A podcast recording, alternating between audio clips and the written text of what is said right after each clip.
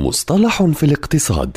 في كل حلقة يطرح المدون وصانع المحتوى الاقتصادي مجدي النوري مصطلحا اقتصاديا محددا بلغة سهلة وبسيطة.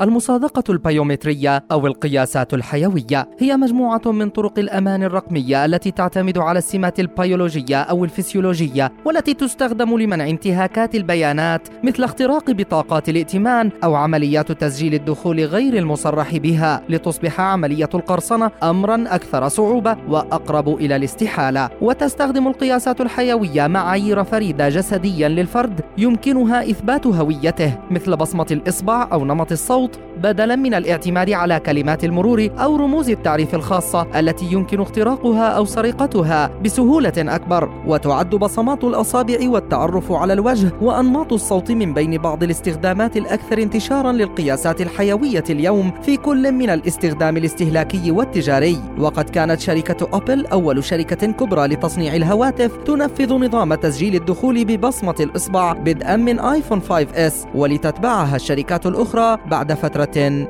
وجيزة.